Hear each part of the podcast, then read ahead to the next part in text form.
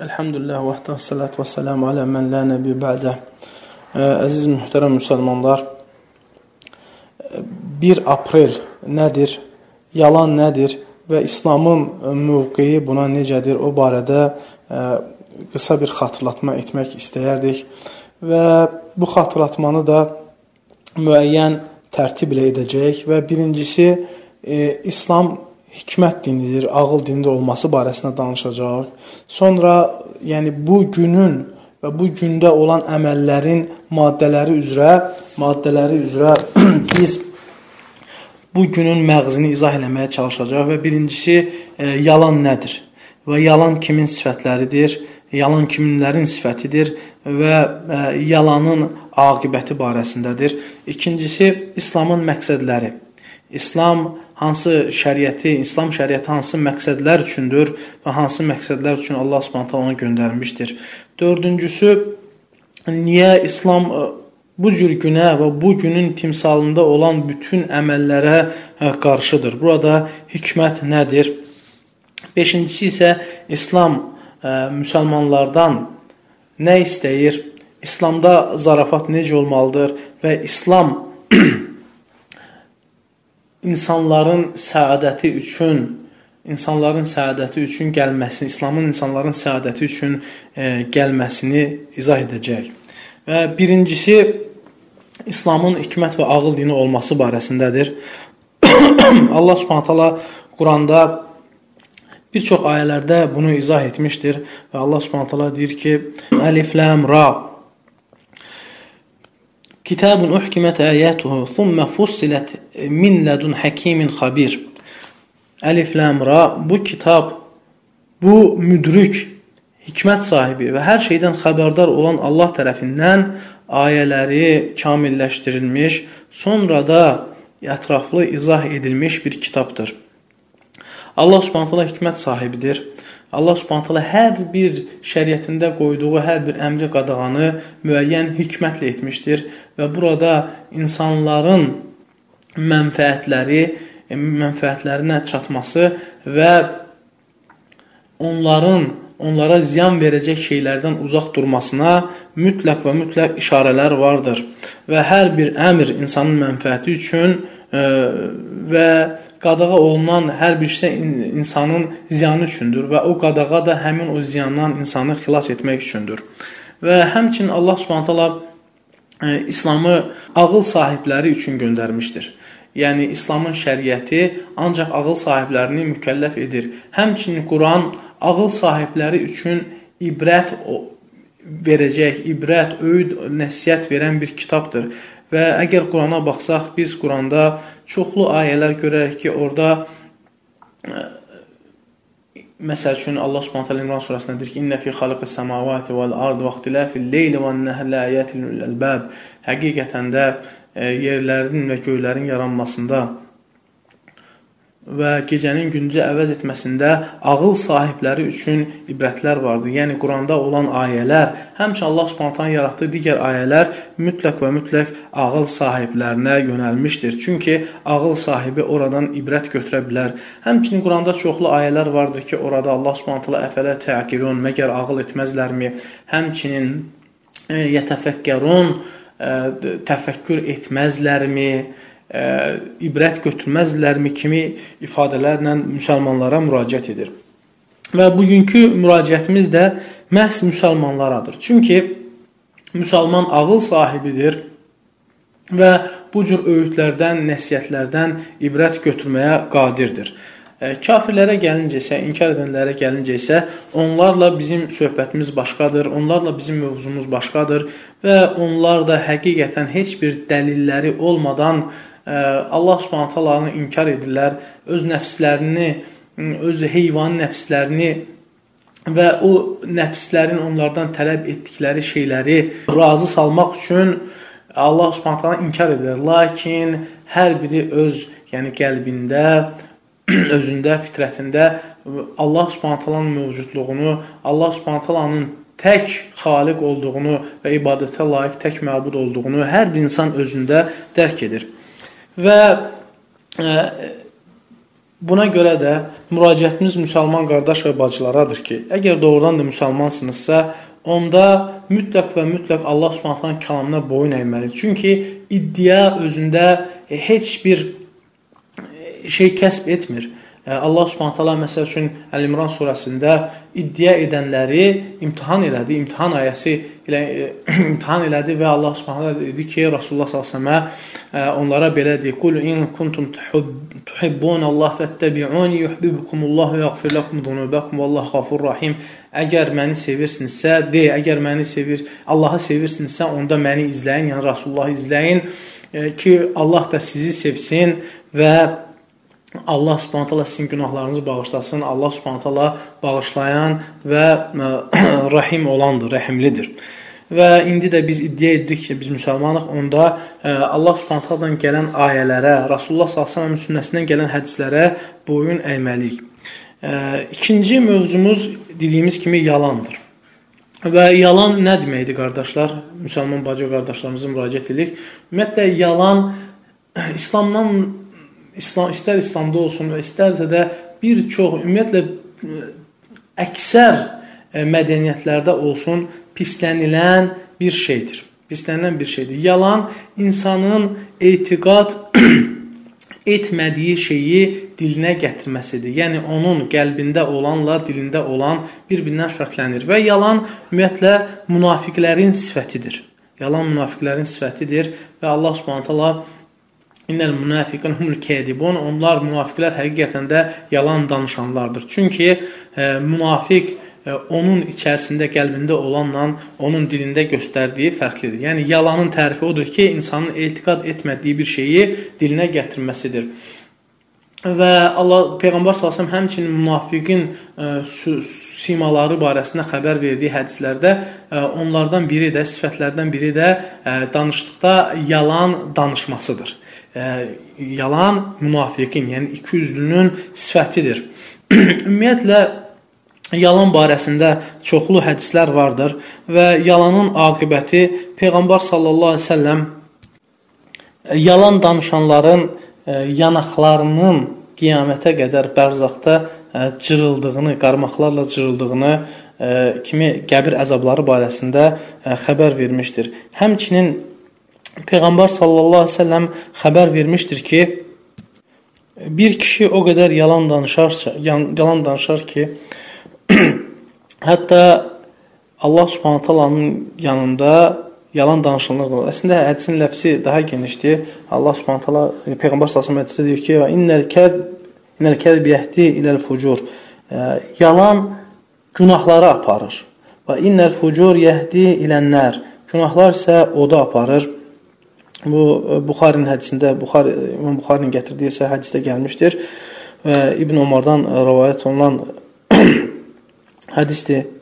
E, və yalan deyir günahlara aparır, günahlar isə o da aparır və deyir bir kişi o qədər yalan danışar ki, hətta axırda Allah Subhanahu yanında yalançılardan yazılar. Ümumiyyətlə yalan pisdir və yalanın pislənməsi barəsində dəlillər həddindən artıq çoxdur. Bunlarla kifayətlənək, lakin insanların heç birinə yalanın pis şey olması barəsində qaranlıq bir şey olmamalıdır. Hətta yəni bizim məktəblərimizdə kiçik yaşlardan ədəbiyyat kitablarında, hətta folklorda yalançılığın pis olması barəsində, yalançılığın aqibətləri barəsində çoxlu nağıllar, şeirlər və s. vardır. Bu da bizlərə məlum bir şeydir. 1 aprel nədir? 1 aprel barəsində ümumiyyətlə çoxlu ə, müxtəlif mənbələr vardır. Lakin ə, əvvəlcə deyək ki, bu günü biz allatma günü desək də, allatma günü adlandırsaq da, bu günün əslində ə, Wikipediyada maraqlananlar baxa bilər. Bu gün əslində axmaq yerinə qoyma günüdür. Yəni günün adı ə, e, ingilis dilindən tərcümə eləsək və məsəl üçün latın dilində də bu günə ə, e, isnadlar var. Bu gün axmaq yerinə zarafatca axmaq yerinə qoymaq günüdür. Və hətta ə, e, bəzi ə, mənbələrdə bu günün bu gündə ə, müəyyən kafir orduların, hətta İspaniyada ə, kafirlərin müsəlmanları aldadaraq qətl etməsi, sülh yerinə ə, onları qətl etməsi barəsində ə, söhbətlər vardır. İstənilən halda günün məqsədi allatma və axmaq yerinə qoyma günüdür. Və elə bir gündür ki, insanlara, müsəlmanlara bu kiçik görsənə bilər, lakin təsəvvür edək ki, kütləvi bir yalan danışma günüdür, axmaq yerinə günü, qoyma günüdür və milyonlarla insanlar həmin gün Allah Subhanahu sevmədiyi, Allah Subhanahu qəzəbləndirən və böyük günahlardan olan yalan danışır və öz ətrafındakiləri alçaldır. Yəni axmaq yerinə qoyma əslində alçaltma deməkdir. Təbii ki, İslam dini bunun əksinədir. İslam dini insanların ağıllı və hikmətli olmasını onlardan tələb eləyir və İslam dininin bu cür günə qarşı olması və bunun timsalında olan bütün əsassız və insanlara qarşı olan, insanlara qarşı olan günlərə mövqeyi təbii ki, bizi təəccübləndirməməlidir. Əgər müsəlmanıqsa, biz bundan təəccüblənməliyik. Təəccüblənməməliyik. Və üçüncü mövzumuz İslamın məqsədləridir. Ümumiyyətlə İslamda, Quran və sünnədə dəlilləri e, qısa cəm eləsək, İslam şəriəti ümumiyyətlə bir neçə əsas məqsədə e, e, İslam şəriətində bir neçə əsas məqsədlər vardır ki, münasib olaraq onları qeyd edəcək. Birinci İslam İslam şəriəti insanların e, mənfəətə çatmasını və onlardan uzaq durmasını e, istəyir. E, insanların mənfəətə çatması və onların ziyandan uzaq durmasının altında isə 5 dənə məqsəd vardır. Bunlardan birincisi insanın dininin, əqidəsinin qorunmasıdır. İkincisi ağlın qorunmasıdır. Yəni o mənfəətin E, hasil olması və ziyanlardan uzaq olması altda 5 məqsədi özündə ehtiva eləyir. Birincisi dinin qorunmasıdır, qeyd eləyək, xatırlayaq.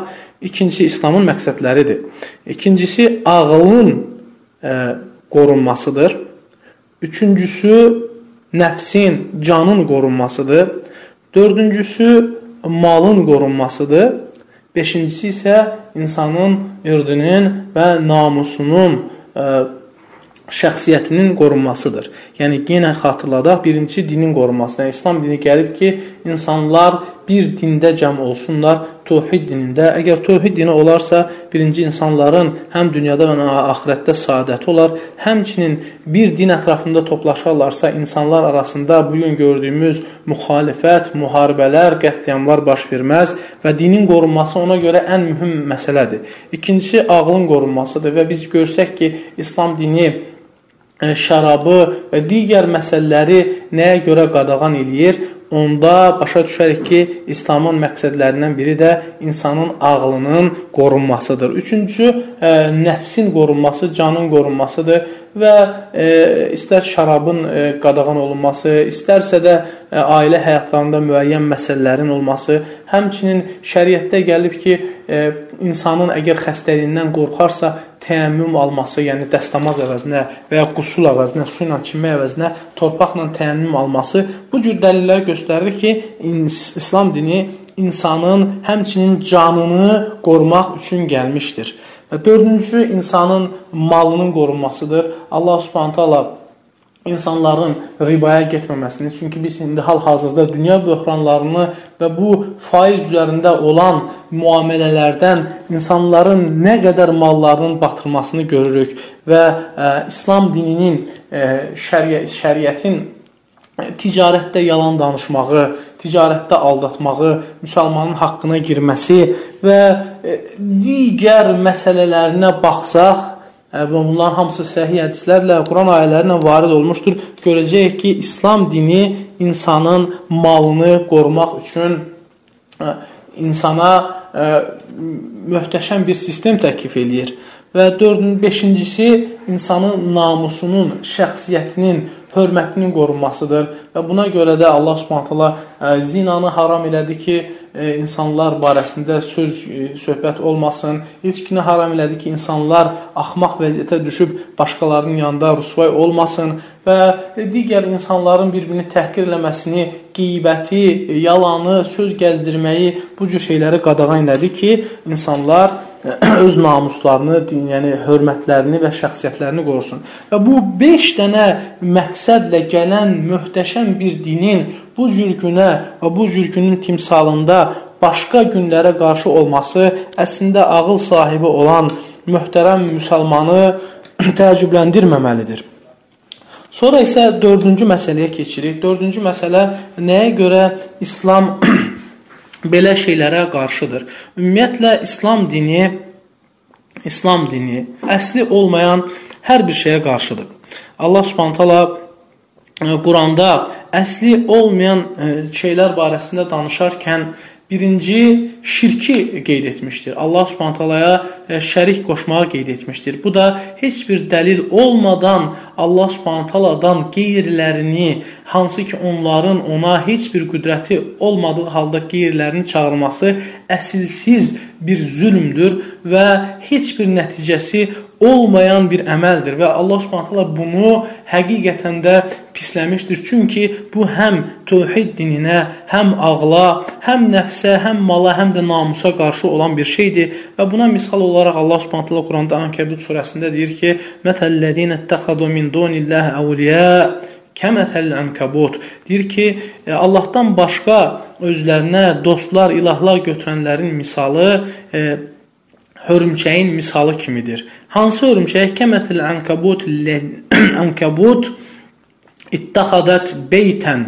E, o e, hörümçək ki, o özünə ev götürdü. Biz hörümçəyin evi barəsində e, məlumatımız var və sonra isə Allah Subhanahu taala nə deyir? E, deyir ki: "Və inna ahvanal buyut" Ləbeytul ənkəbut deyir ki, həqiqətən də ən zəif, ən boş evlər hörümçəklərin evləridir. Ləv kanu ya'lamun əgər kaş biləydilər, yəni kaş düşünəydilər, kaş buradan ibrət çıxardaydılar və e, hörümçəyin evi nədir? Yəni əsli, əsli yoxdur. Yəni e, onlar ilahlar çağırarlar, Allah Subhanahu taala şərik qoşanlar, ağıldan kəm olanlar o ilahları e, çağırdıkları zaman ən çətin, ən ehtiyaclı olan vaxtda o ilahlar onları e, köməksiz qoyar, yəni doğrudan da onların heç bir köməyə qüdrəti yoxdur və insan ona etibar elərsə, edərsə yarı yolda qalar və e, ziyana uğrar. Halbuki Allah Subhanahu taala İslam dinini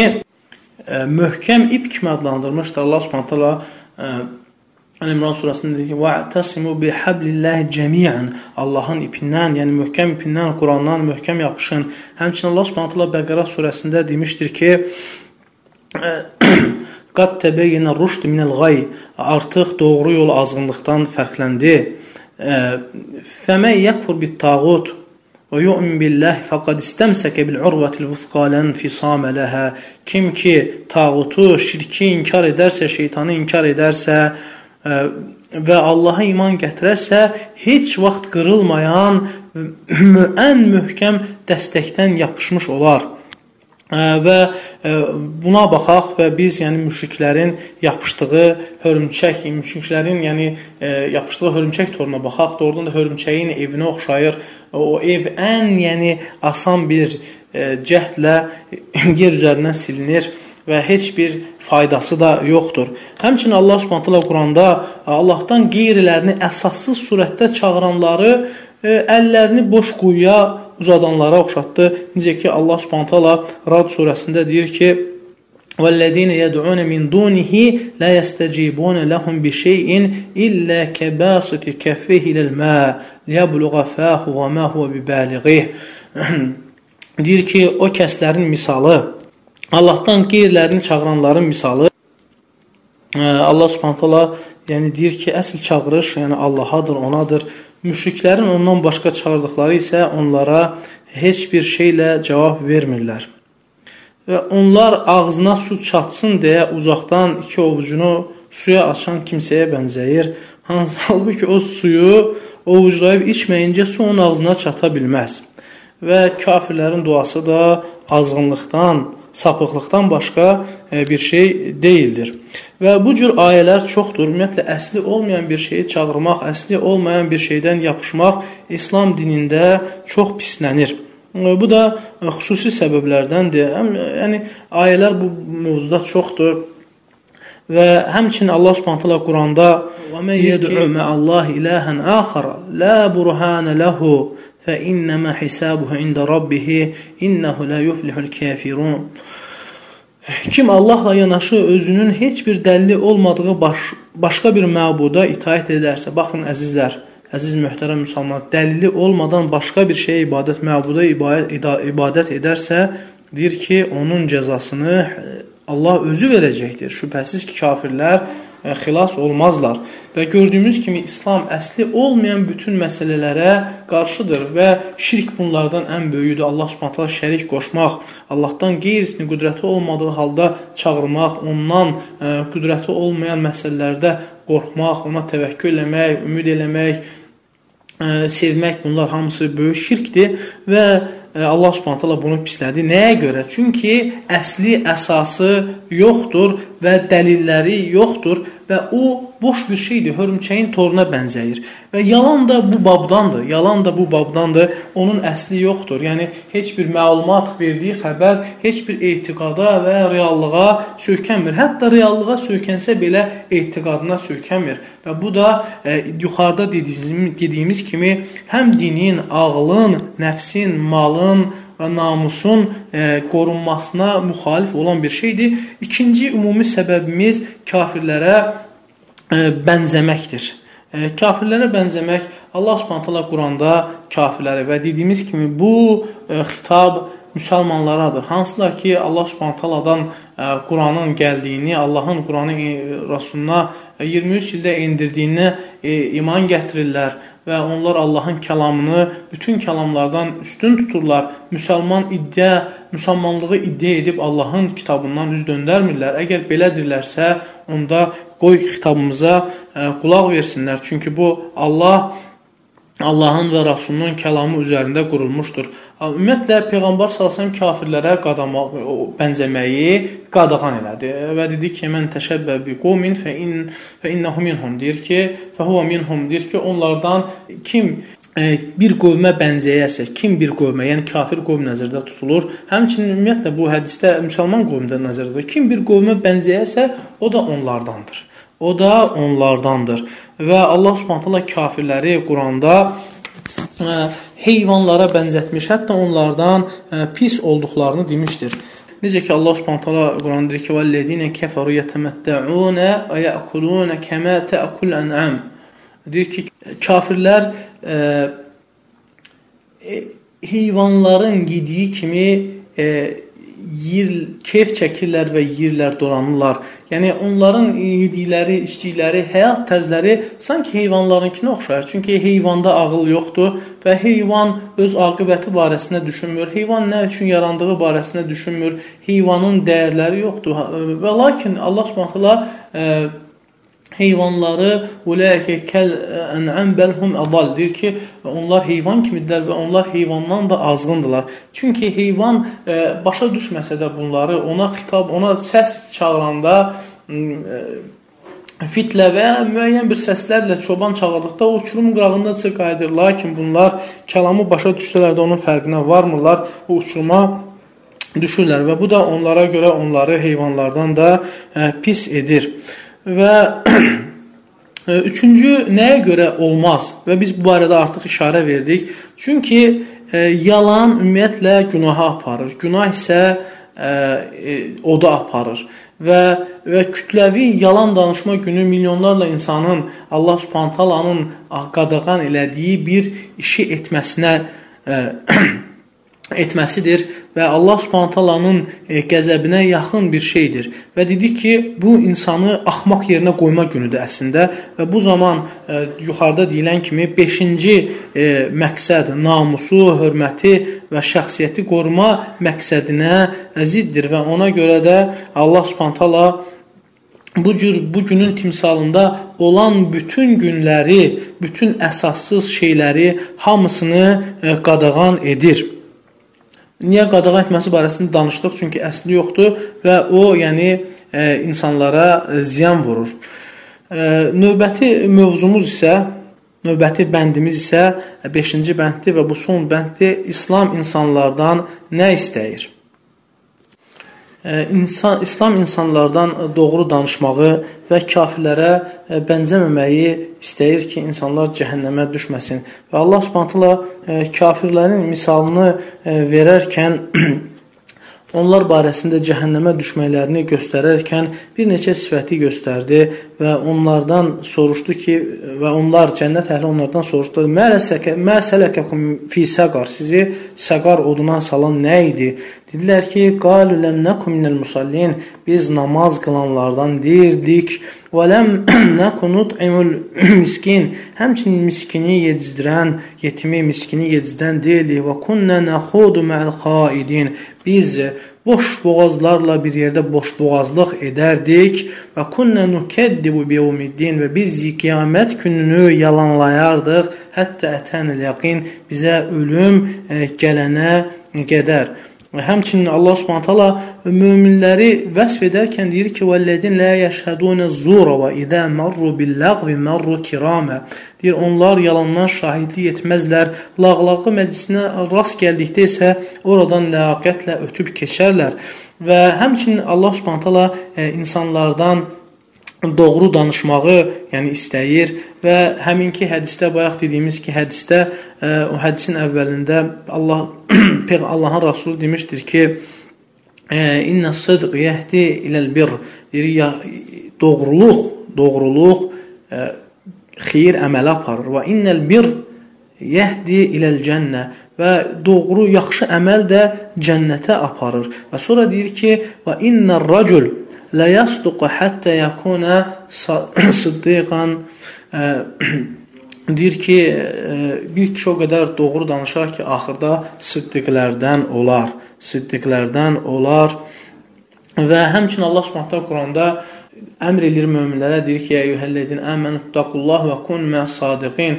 Ey iman gətirənlər, Allahdan qorxun və sadiqlərlə bir yerdə olun. Və Allah Subhanahu insanlardan birincisi sadiq olmalarını, yəni yuxarıda deyilən məsələ, din məsələsində, tövhid məsələsində sadiq olmalarını, həmçinin ağıl məsələsində sadiq olmalarını, yəni ağıl qoyub boş-boş e, günləri heyvanlar kimi əyləncəni seçməməlidir. Yəni dedik ki, bu cür günlər nəyə görə onlar kafirlər bunu qeyd edir? E, çünki onlar heyvanlar kimidir, ancaq əyləncə axtarırlar. Əslində isə əyləncə axtarmaqlarının səbəbləri biz biz bunu da yəni e, onların bir çoxları ilə danışanda Avropalılarla və digər millətlərlə danışanda biz bunun şahidi olmuşuq. Onlar deyirlər ki, əslində siz dedikləriniz doğrudur. Lakin biz bunlara inanmaq istəmirik. Biz bunlara boyun əymək istəmirik. Biz bunları fikirləşəndə qorxuruq. Ölümü fikirləşəndə qorxuruq. Ona görə günümüzü əyləncə ilə keçirik və qorxuruq ki, deyir, siz dedikləriniz doğru ola və biz, yəni öz həyat tərzimizi dəyişək və yəni nəfslərinin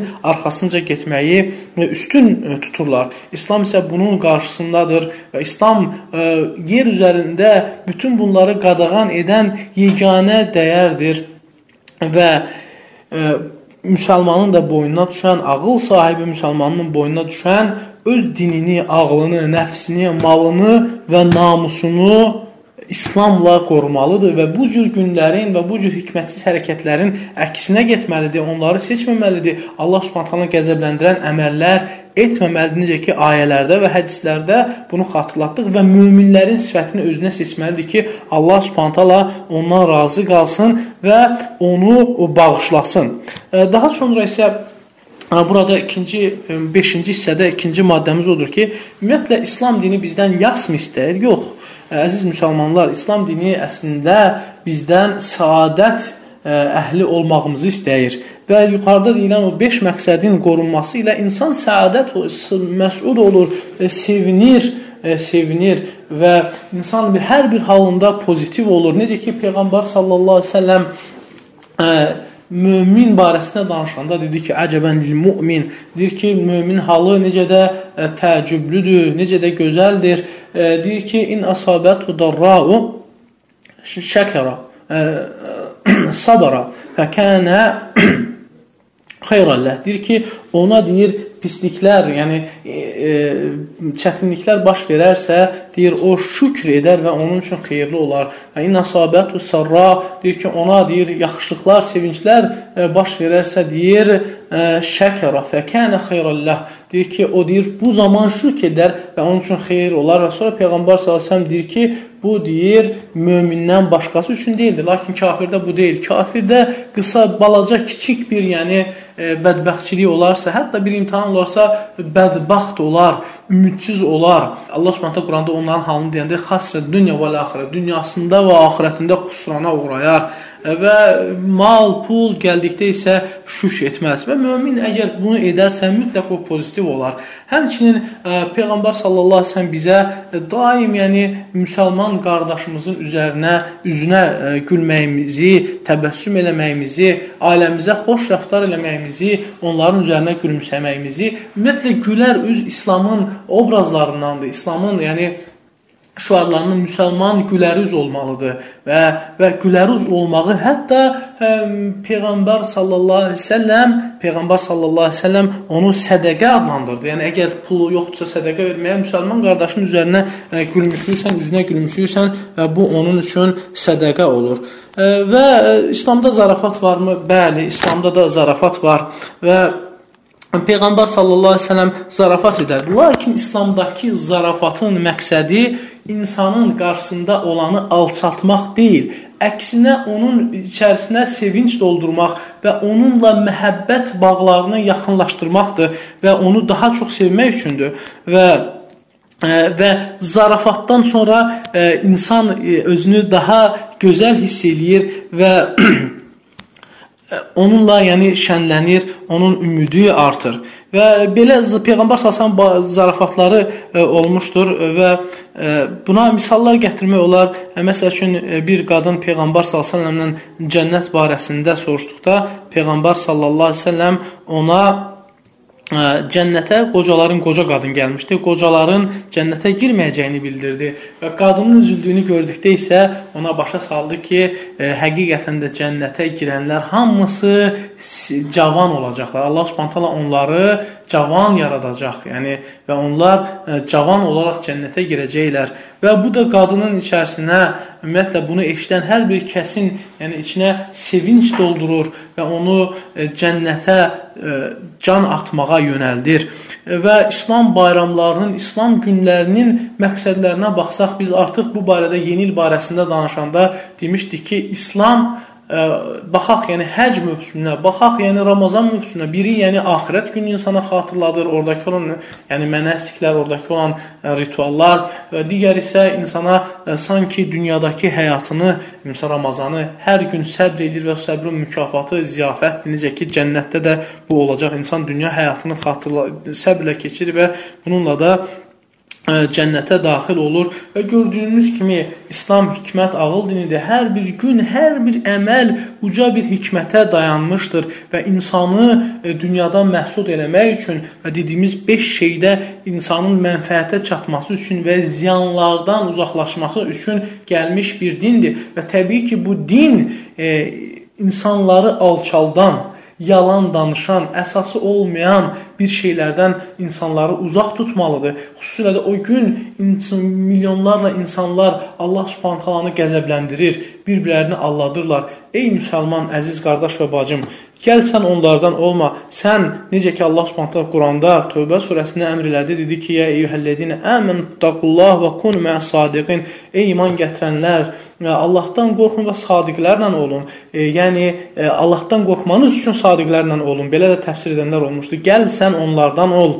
Gəl sadiqlərlə ol, gəl müsəlmanlarla bir yerdə ol. Müsəlman bayramlarını keçir və Allah Subhanahu taalanın e, qəzəblənəcəyi heç bir şeyə yönəlmə və orada səadət axtarma.